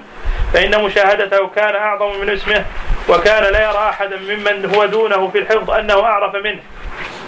وكان قد جمع حفظ الأبواب والشيوخ والتفسير وغير ذلك. قال يحيى بن مندة قيل أحفظ الأمة أبو, أبو هريرة ثم أبو زرع الرازي. وقيل ما ولدت حوافظ أحفظ. ما ولدت حوافظ. أحفظ من أبي سؤال عندك هكذا؟ حواء ما ولدت حواء. حوافظ حواء حوافظ. حواء أصبر. اقرأ اللي بعدها تبين. ما ولدت حوافظ. أحفظ من أبي زرعة. يا شيخ يا شيخ.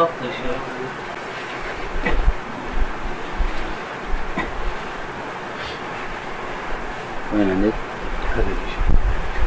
تحت تحت فوق فوق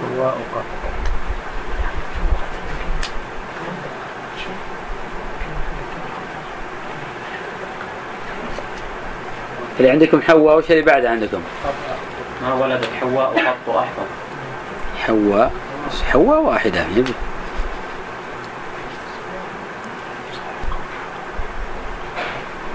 لأن حوافظ وأجمع خاصة يعني مجموعة عن المرأة اللي تحفظ الابن في البطن. ولا تكون مبني المجهود ما- ما ولدت. حوافظ على أنه جمع تكسير مو بالعلة هذه لأن إيش معنى حوافظ؟ أي الحفاظ. نعم. الحفاظ جمع حفاظ.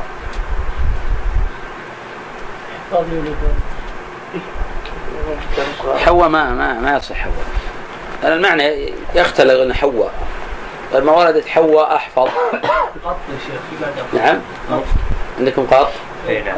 تكون حواء قط. كنا عن المرأة يا شيخ على اعتبار منسوب إليها لكن معروف حواء ما هي يرجع إليها يعني. لكن صار في قط يتضح المعنى. وما توضع في نسخة يكتب. إذا قيل حوافظ المعنى واضح. ولكن إذا قيل حواء وفيه قط اتضح المعنى أيضا أكثر شوف المقصود بحفظ الأبواب؟ نعم. ما المقصود بحفظ الأبواب؟ يعني الأبواب باب الطهارة باب الصلاة باب الصيام باب الحج وهكذا. قال وبلغني بإسناد هو لي مسموع أن أبا زرعة قال أنا أحفظ 600 ألف حديث صحيح وأر- وأربعة عشر, وأربعة عشر ألف ألف حديث في في التفسير والقراءات وعشرة آلاف حديث مزورة قيل له ما بال المزورة طبعا؟ يقصون الأثار والمسائل. بدليل مثلا لو رأيت مثلا تفسير ابن أبي حاتم هذا معدود في محفوظاته لابن أبي حاتم. فإنه يروي على هذه بالأسانيد. يروي الأثار عن الصحابة وعن التابعين وعن تابعيهم بالأسانيد. فهذا معدود فيما يذكرون هنا من المحفوظات. قال إذا مر بي منها حديث عرفته ومنهم محمد بن إسماعيل بن إبراهيم ابن المغيرة الجعف الجعفي مولاهم البخاري الإمام أبو عبد الله صاحب الصحيح الصحيح وإمام المحدثين في وقته وأستاذ وأستاذ هذه الصناعة وعنه أخذها كثير من الأئمة منهم مسلم بن الحجاج وسماه أستاذ الأستاذين وسيد المحدثين وطبيب الحد- الحديث وعلي في علله وأبو عيسى الترمذي وقد ذكر أبو عيسى في أول كتاب العلل أنه لم ير بالعراق ولا بخراسان في معنى العلل. والتاريخ ومعرفة الأسانيد كبير أحد أعلم من محمد بن إسماعيل رحمه الله. وقال ابن خزيمة ما رأيت تحت هديم هذا السماء؟ هذه السماء أعلما بالحديث ولا أحفظ له من محمد بن إسماعيل البخاري. ولما سأل مسلم البخاري عن حديث سهيل بن عن سهيل عن أبيه عن أبي هريرة عن- في كفارة المجلس فبين له علته. قال مسلم لا يبغضك إلا حاسد وأشهد ان ان, أن ليس في الدنيا مثل مثلك. وروى وروي عن محمد بن الأزهر السجزي قال كنت بالبصرة في مجلس سليمان بن حرب والبخاري جالس لا يكتب فقلت لا ما لأبي عبد الله لا يكتب. قال يرجع إلى بخارى فيكتب من حفظه. وقال محمد بن حمدويه بل سمعت البخاري يقول أحفظ مئة ألف حديث صحيح وأعرف مئتي ألف حديث, حديث غير صحيح. غيره. غير صحيح. وقال أح- أحمد, أحمد بن حمدون رأيت البخاري ومحمد بن ومحمد بن اسماء بن يحيى يسأله عن الأسامي والكنى والكنى. محمد بن يحيى هذا؟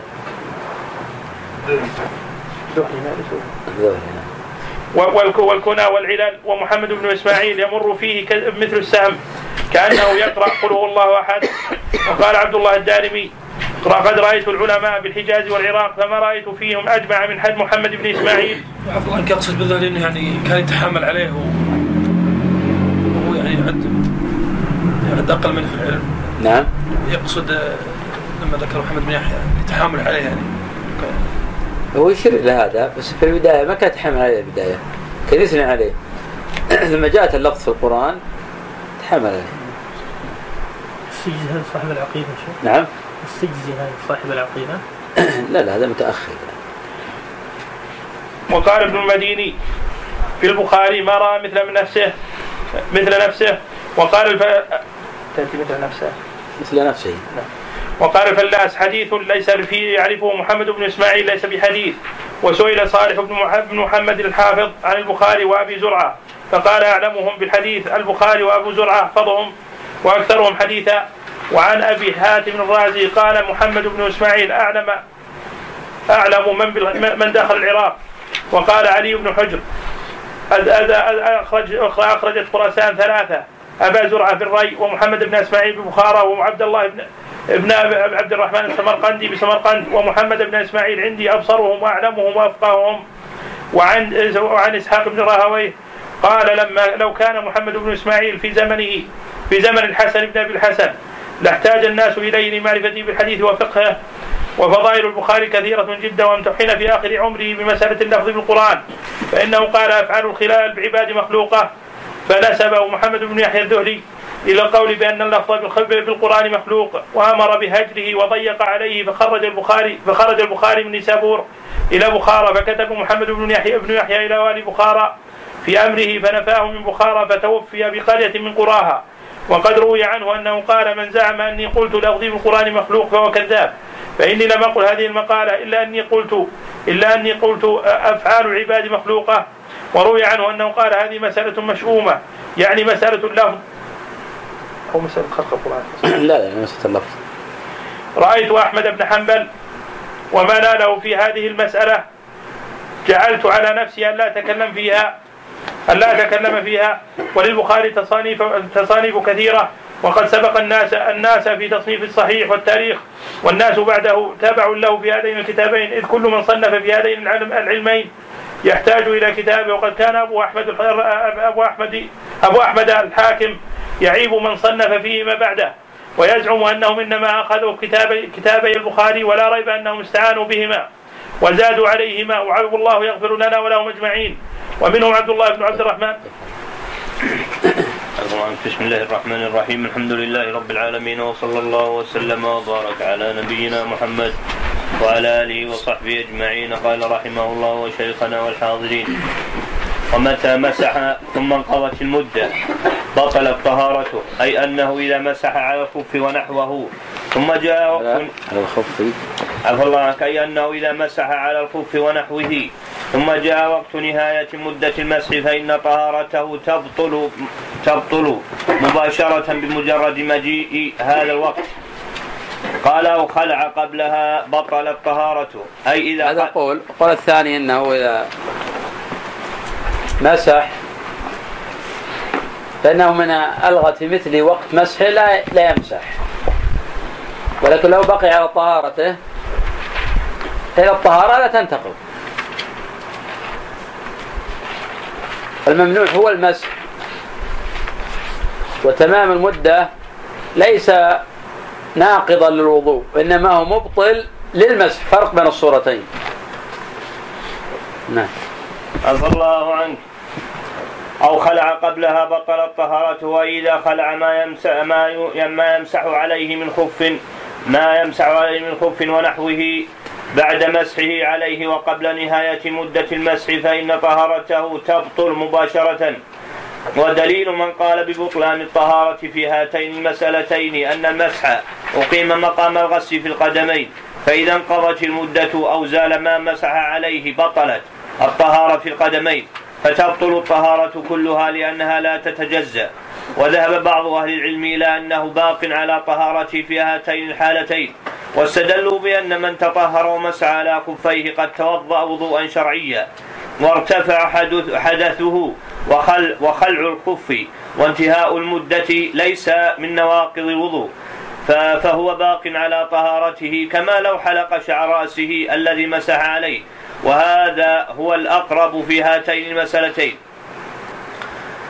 قال ومن مسح مسافرا ثم أقام أتم مسح مقيم فإذا لبس الخف. لكن لو قد تمت مسح مسافر ثم قام وقد مضى يوم وليلة. تقول انتهى وقت المسح مباشرة. وإذا كان زاد عليه يوم وليلة خلاص يجب عليه خلعهما ولا يحل له المسح. وكذلك لو مسح مسح مقيم ثم سافر يكمل المدة. إذا كان مسح يوم مسح يوم وليلة مقيمة ثم سافر يكمل يوما وليلة. ليكمل مجموع ثلاثة أيام.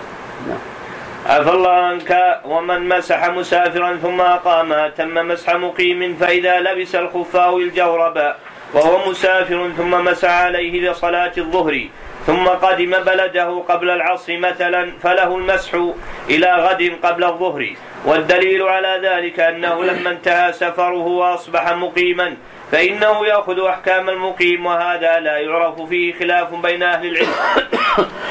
قال أو مسح مقيما ثم سافر أتم مسح مقيم فيمسح يوما وليلة فقط من بداية المدة.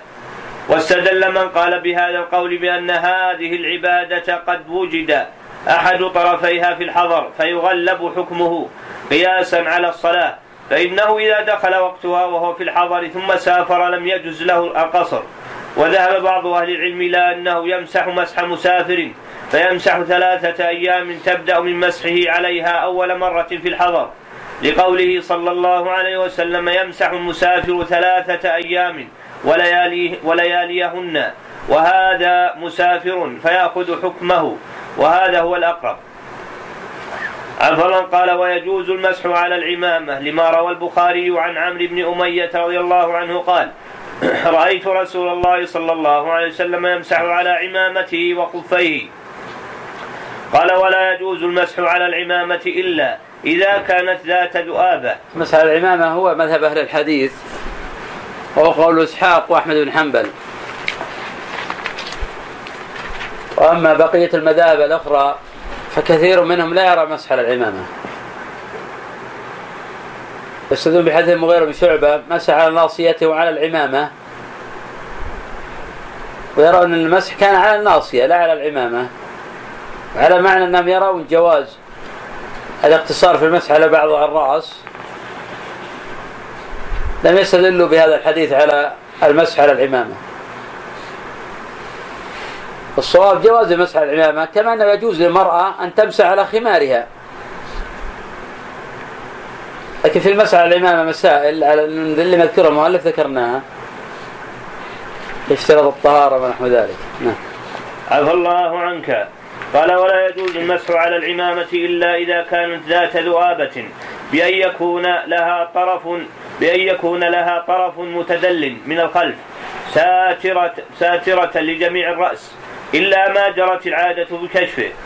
الفقهاء يشترطون في العمامة أن تكون محنكة أو تكون ذات ذؤابة. يقولون هذه العمامة تسمى عمامة. والحديث حين ورد في العمامة.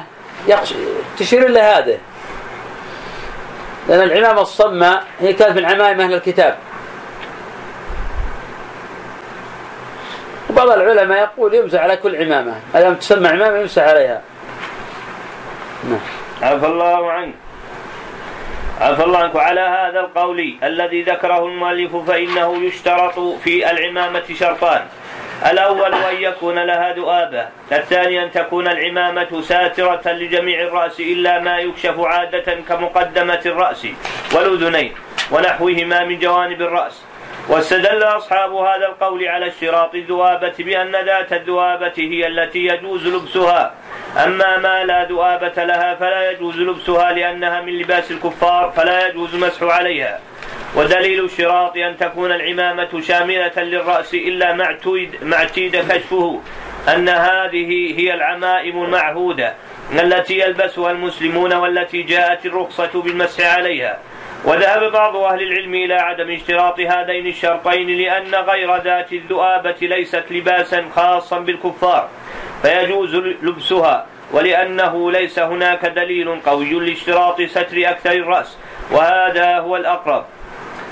أما ما يلبس الآن فوق الرأس مما يسمى بالشماغ أو الغترة ومثلها الطاقية والطربوش فلا يشرع المسح عليها لأنها لا تشبه العمامة ولأنه لا يشق نزعها. أما ما يسمى القبع هو الذي يغطي الرأس والأذنين والرقبة فإنه يجوز المسح عليه إذا كان يشق نزعه. ومن اشترط المسح على جميع ومن شرط المسح على جميع ذلك أن يلبسه على طهارة كاملة. أي ومن شرط المسح على الخفين والجوارب والجراميق والعمامة أن يلبسها وهو متطهر من الحدث من الحدثين. أما بالنسبة, بالنسبة للخفين فهذا مجمع عليه. فلا يمسح عليهما إلا إذا ادخلهما على طهارة. لحديث المغيرة في الصحيحين دعهما فإني أدخلتهما طاهرتين. وأما بالنسبة للعمامة فلم يرد في شأنها شيء. ولكن ذهب جمهور من يقول بالمسح على العمامة إلى أنه لا يصح المسح عليها حتى يدخلها على الطهارة. وذهب أهل الظاهر وابن حزم إلى أن هذا لا يجب لأنه لا دليل عليه. وأبطل القياس في هذا. قال القياس لا يصح. ولا يصح قياس العمامة على مسح الخفين.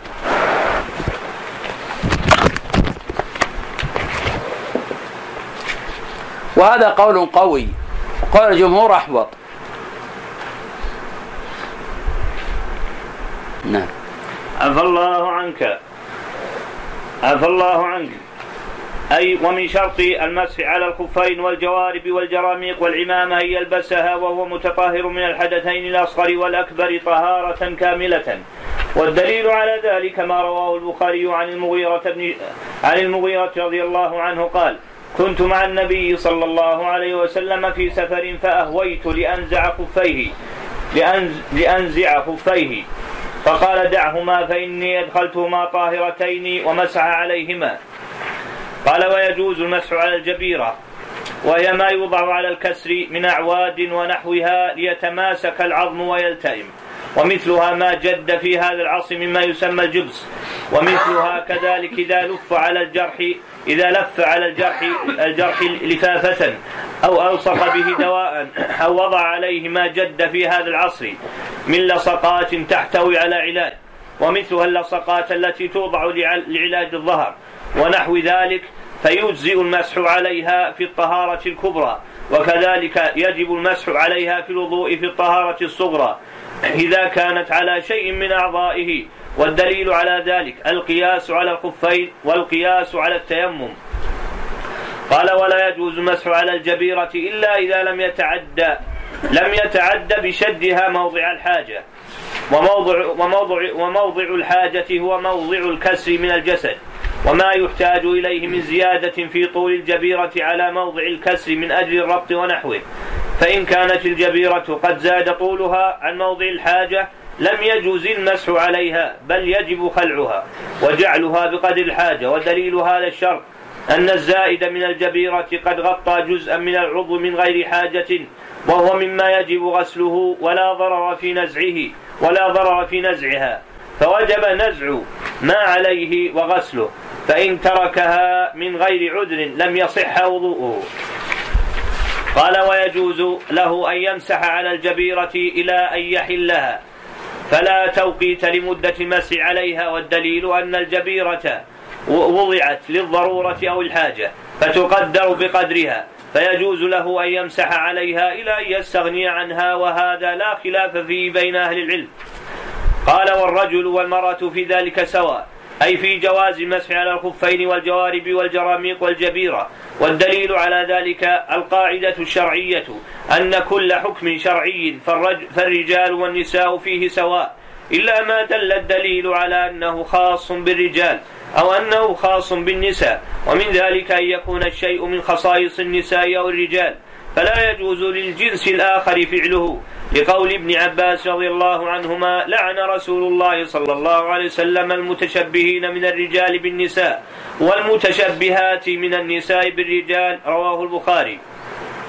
قال إلا أن المرأة لا تمسح على العمامة أي, أي أن المرأة لو لبست عمامة تشبه عمامة الرجل لم يجز لها المسح عليها لأن لبسها لها محرم لأنه تشبه بالرجال والرخص كالمسح على العمامة لا تستباح بالمحرم.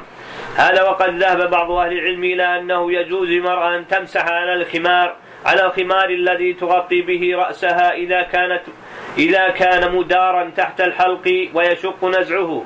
واستدلوا بما ثبت عن أم سلمة رضي الله عنها أنها كانت تمسح على الخمار والاحوط أن تمسح مع الخمار بعض الرأس. أما الخمار الذي لا يشق نزعه وهذا هو حال حال غالب خمر النساء اليوم فإنه لا لا يمسح عليه. لأنه لا يشبه الخمار الذي ورد المسح عليه ولأنه لا مشقة في نزعه. وإذا لبست المرأة الحلي الذي يسمى الهامة ويشد على الرأس فإنه يجوز المسح عليه قياسا على الخاتم ولمشقة نزعه. هذا وإذا كان عضو الوضوء كاليد أو الرجل مقطوعا فإنه يسقط غسله. فإنه يسقط غسله لفقد محل الفرض. وإذا ركب له عضو صناعي فلا يجب عليه المسح عليه عند الوضوء إلا إن كان ساترا لشيء يجب غسله فإنه يمسح على ما فوق هذا الشيء الذي يجب غسله من هذا العضو الصناعي قياسا على الجبيرة وعلى المسح على الخفين. قال رحمه الله. أما ما ذكر المؤلف رحمه الله بالنسبة للمسح على الخمار الخمار الأثر عن أم سلمة ثابت. فللمرأة أن تمسح على الخمار. إذا كان يشق عليها نزعه. ولا يتعين مع هذا مسح جزء من الرأس. سواء غطى الخمار كل رأسها أو غطى أكثره. ولكن إذا بدأ شيء من الشعر تمسح تبعا للخمار. كما أن النبي صلى الله عليه وسلم تبع مسح العمامة وعلى الناصية تبعا لمسح على العمامة. وفي فروق بين المسح على الخمار والعمامة وبين المسح على الخفين. الأمر الأول أنه لا توقيت في المسح على العمامة والخمار. ومن هذه الناحية يشبهان الجبيرة. الأمر الثاني أنه لم يثبت فيهما دليل على وجوب ادخاله مع الطهارة. وإنما الذين يقولون بهذا وهم الجمهور يقيسونه على الخفين.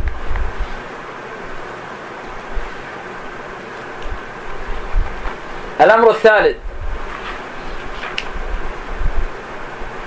أن العمام والخمار يمسح عليه ظاهرهما أي على محل الفرض الذي يتعين مسحه بخلاف الخفين.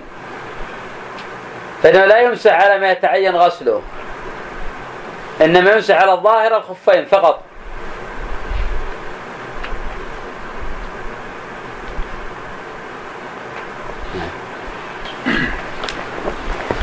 بسم الله الرحمن الرحيم الحمد لله رب العالمين والصلاة والسلام على أشرف الأنبياء والمرسلين نبينا محمد وعلى آله وصحبه أجمعين قال الإمام الحافظ أبو الحسين مسلم الحجاج في مقدمة صحيحه وقد تكلم بعض منتحل الحديث من أهل عصرنا في تصحيح الأسانيد وتسقيمها بقول لو ضربنا عن حكايته وذكر فساده صفحا لكان رأيا متينا ومذهبا صحيحا إذ الإعراض عن القول المطرح أحرى لإماتته وإخمال ذكر قائله وأجدر ألا يكون ذلك تنبيها للجهال عليه غير أن لما تخوفنا من شرور العواقب واغترار الجهلة بمحدثات الأمور وإسراعهم إلى اعتقاد خطأ المخطئين والأقوال الساقطة عند العلماء رأينا الكشف عن فساد قوله ورد رأينا الكشف عن فساد قوله ورد مقالته بقدر ما يليق بها من الرد أجدى على الأنام وأحمد للعاقبة إن شاء الله.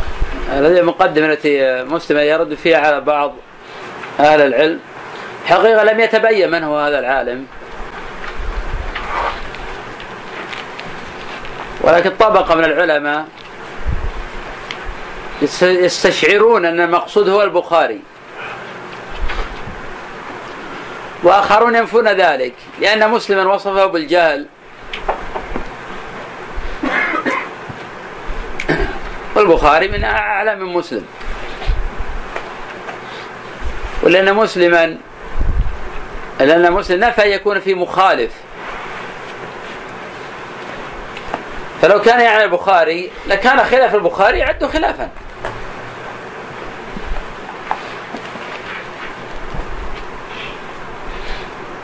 ولكن يشكل على هذا أن مسلما قال في نفس الكلام لولا خوف يغتر به. كلام العامة ما يغتر به. هذه مسائل حديثية. وعادة مسائل حديثية لا يدرسها ويقرأها إلا من له تخصص وعناية بهذه الجوانب. وعلى كل ما يضر من هو المقصود. وقد نناقش إن شاء الله الإمام مسلم رحمه الله تعالى في دعواه الإجماع في هذه المسألة. نبين مسلم ادعى أكثر من إجماع في هذا الكتاب والخلاف مشهور. فهو في هذا الكتاب ادعى الاجماع في المقدمة.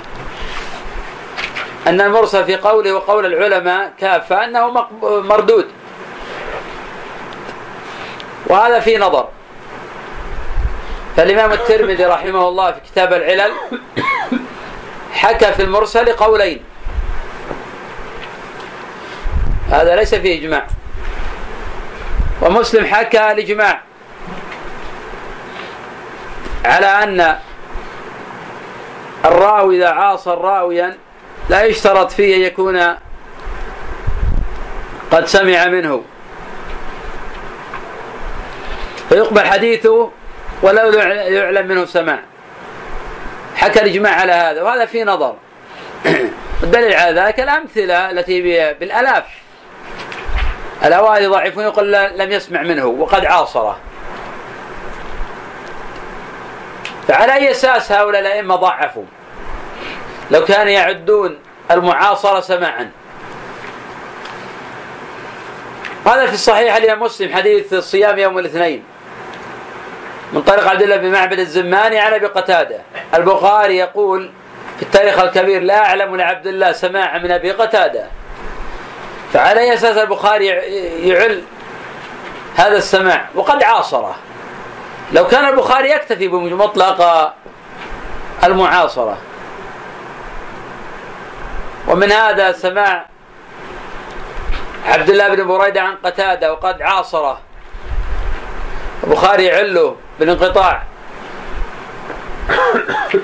ومن ذلك تكلم البخاري في مرويات. سليمان بن بريدة عن أبيه وقد عاصر بأكثر من أربعين عاما. البخاري يتكلم أيضا في السماع. نعم. قال رحمه الله. نعم. مسلم مسلم ما يشترط إنه ما ينفع السماع نعم. إلا يشترط ما ينفع لكن نحن نقول نرد عليه على أساس نفع السماع على أساس نفع السماع مسلم يشترط انه ما ينفع السماع لكن نحن نقول على أساس نفع السماع لو كانوا تكتفون بالمعاصره ما نفوا السماع لكن المسلم لا لا يشترط أيضا وجود القرينة ليس فقط النفي إنما القرينة. طيب مسلم عنده قرينة عبد الله معبد الزماني عن هذا خرجت صحيحة. إذا ما ما عنده قرينة في هذا الجانب قبله البخاري عل بالانقطاع. ونماذج كثيرة سنناقش مسلم عنها. عل غيره على أساس علوها فدل لكن عنده في انقطاع. ما في سماع هذا من هذا. ليس البخاري في أكثر من حديث يقول هنا ثبت لنا سماع فلان من فلان. التصريح بالتحديد. يعني ما دل على اعتبار القرائن وإنما لابد أن يصرح. نعم. البخاري بالنسبة للبخاري هذا واضح من منهجه. إنه لا بد من أن يكون في رواية أنه قد صرح بالسماع ولا يقبل ذلك. والدليل على ذلك لما في صحيحه ذكر رواية الحسن عن معقل بن يسار. ذكر في كتاب النكاح إنه لما زوج أخته أورد رواية إنه صرح بالسماع ليبين انه سمع منه وأنه لا يقبل مجرد أنه عاصره. ولو كان يكتفى بالمعاصرة. طيب على أساس انه عل الحسن عن أبي هريرة؟ الحسن ولد سنة 21 وأبو هريرة توفي سنة 68 على أساس انه عل الحسن عن ابن عباس وقد توفي عباس سنة 68 فعلى أساس انه عل الحسن عن عمران بن حسين وهو من بلد واحد في العراق. لأنه ما سمع منه. نعم. قال رحمه الله وزعم القائل الذي افتتحنا الكلام على الحكاية عن قوله والإخبار عن سوء الذي افتتحنا الكلام على الحكاية عن قوله والإخبار عن سوء رويته. أن كل إسناد لحديث فيه فلان عن فلان. وقد أحاط العلم بأنهما قد كانا في عصر واحد. وجائز أن يكون الحديث الذي روى الراوي عمن روى عنه قد سمعه منه وشافه به. غير أنه لا نعلم له منه سماعا. ولم نجد في شيء من الروايات أنهما التقيا قط أو تشافها بحديث أن الحجة لا تقوم عنده بكل خبر جاء هذا المجيء. حتى يكون عنده العلم بأنهما قد اجتمعا من دهرهما مرة فصاعدا أو تشافها بالحديث بينهما أو يرد خبر فيه بيان اجتماعهما وتلاقيهما مرة من دهرهما فما فوقها. فإن لم يكن عنده علم ذلك ولم تأتي رواية صحيحة تخبر أن هذا الراوي عن صاحبه قد لقيه مرة وسمع منه شيئا لم يكن في نقله الخبر عمن روى عنه علم ذلك. والأمر كما وصفنا حجة. وكان الخبر عنده موقوفا حتى يرد. باب صحة الاحتجاج بحديث المعنعن قال وهذا القول يرحمك الله في الطعن في الأسانيد قول مخترع. نعم. في بقية حتى يرد عليه سماعه منه لشيء من الحديث قل أو كثر في رواية مثل ما هذا ساقط هذا زائد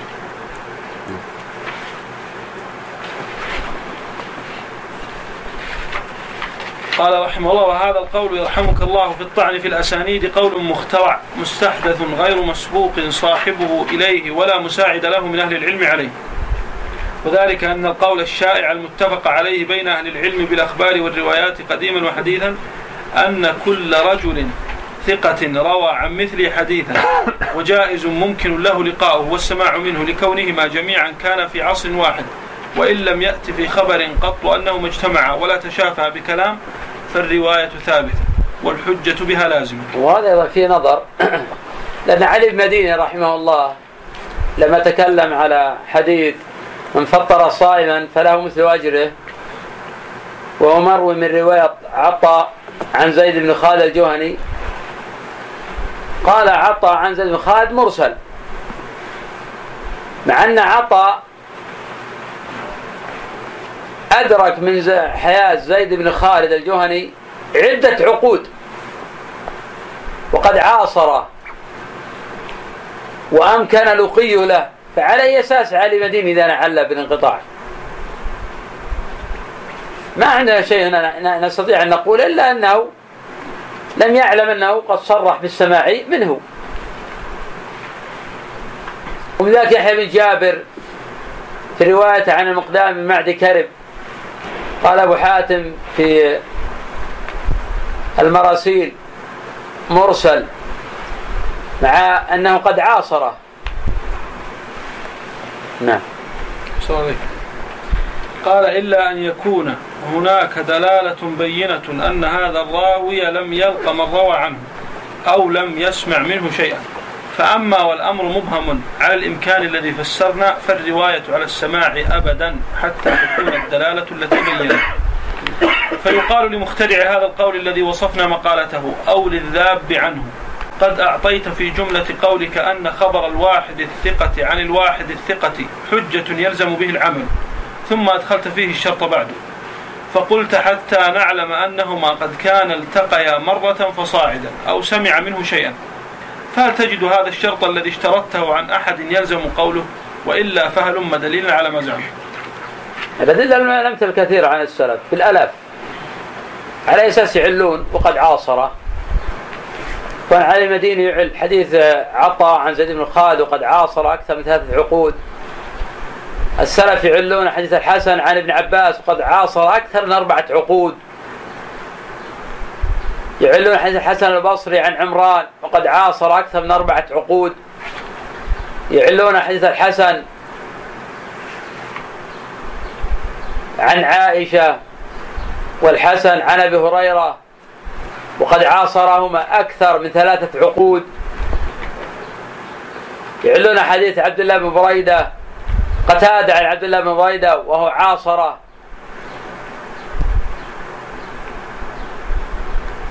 ويعلون حديث سعيد بن أبي هند عن أبي موسى الأشعري كحديث من لعب بالنردة وسعيد قد عاصر أبا موسى فترة طويلة والإمكان موجود للسماع.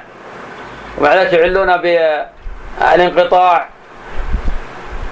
والأمثلة على هذا كثيرة. وأما الإمكانية فيلزم من هذا قبول حديث المخضرمين عن النبي صلى الله عليه وسلم. لأن الإمكانية موجودة.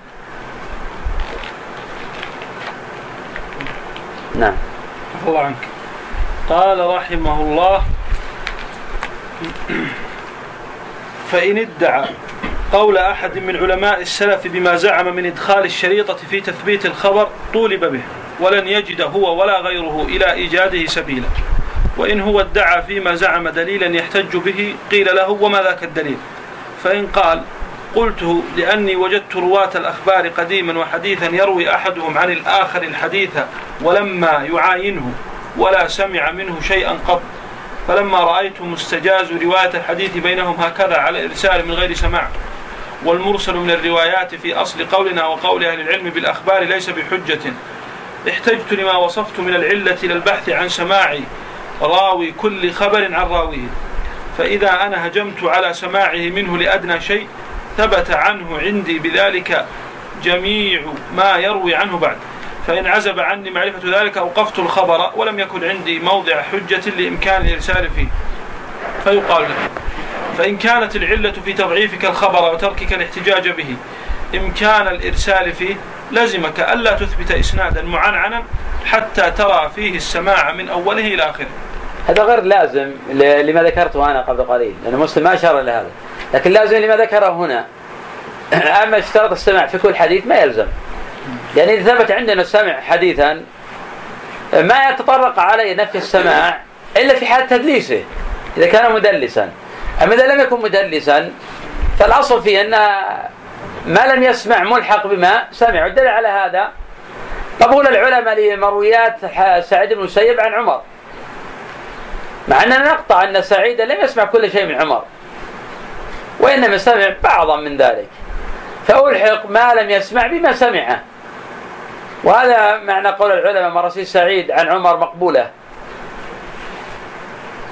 نعم. قال وذلك أن الحديث الوارد علينا بإسناد هشام بن عروة عن أبيه عن عائشة. فبيقين نعلم أن هشاما قد سمع من أبيه وأن أباه قد سمع من عائشة. كما نعلم أن عائشة قد سمعت من النبي صلى الله عليه وسلم. وقد لكن نعلم من أين أتانا اليقين. نعلم أن هشام يقول حدثني أبي. وعروة يقول حدثتني وأخبرتني عائشة. قالت لي أم المؤمنين وهكذا. فهمنا أنه سمع لو لم يرد شيء من ذاك ما أثبتنا السماع. علنا بالانقطاع. لكن جاءنا من طرق متعددة. أن هذا يقول حدثني أبي وهذا يقول سمعت أم المؤمنين. هذا بهذه الطريقة أثبتنا السماع. قال رحمه الله وقد يجوز. وعلى هذا يلزم مسلم أيضا الزامات كثيرة ما ذكره هو. طيب كيف نثبت الصحبة؟ رجل يقول قال النبي صلى الله عليه وسلم. يقول قال النبي هل نثبت له صحبة؟ يلزم على مذهب مسلم أن نقول بأنه صحابي.